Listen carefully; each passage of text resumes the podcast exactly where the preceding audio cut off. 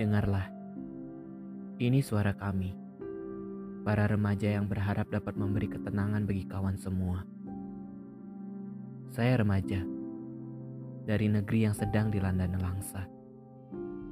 Melihat keadaan sekarang, saya juga merasakannya.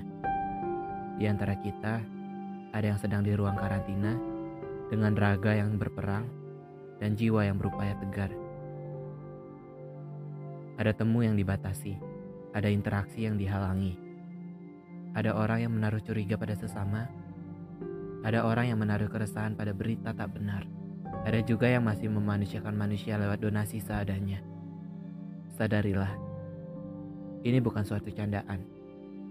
Bagi yang sehat, nurutlah di rumah aja. Ini bu untuk keselamatan kita semua. Bagi yang dinyatakan sebagai suspek COVID-19, dengar, ini bukan sebuah pengakhiran. Kalian tidak difonis meninggal kok. Selagi raga masih kuat dan selalu percaya pada keajaiban Tuhan, saya yakin ini semua akan berakhir. Bukankah tidak ada yang abadi di dunia ini?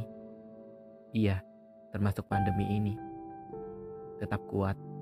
Mungkin kita sekarang diberi jarak supaya besok kita bisa saling memeluk erat.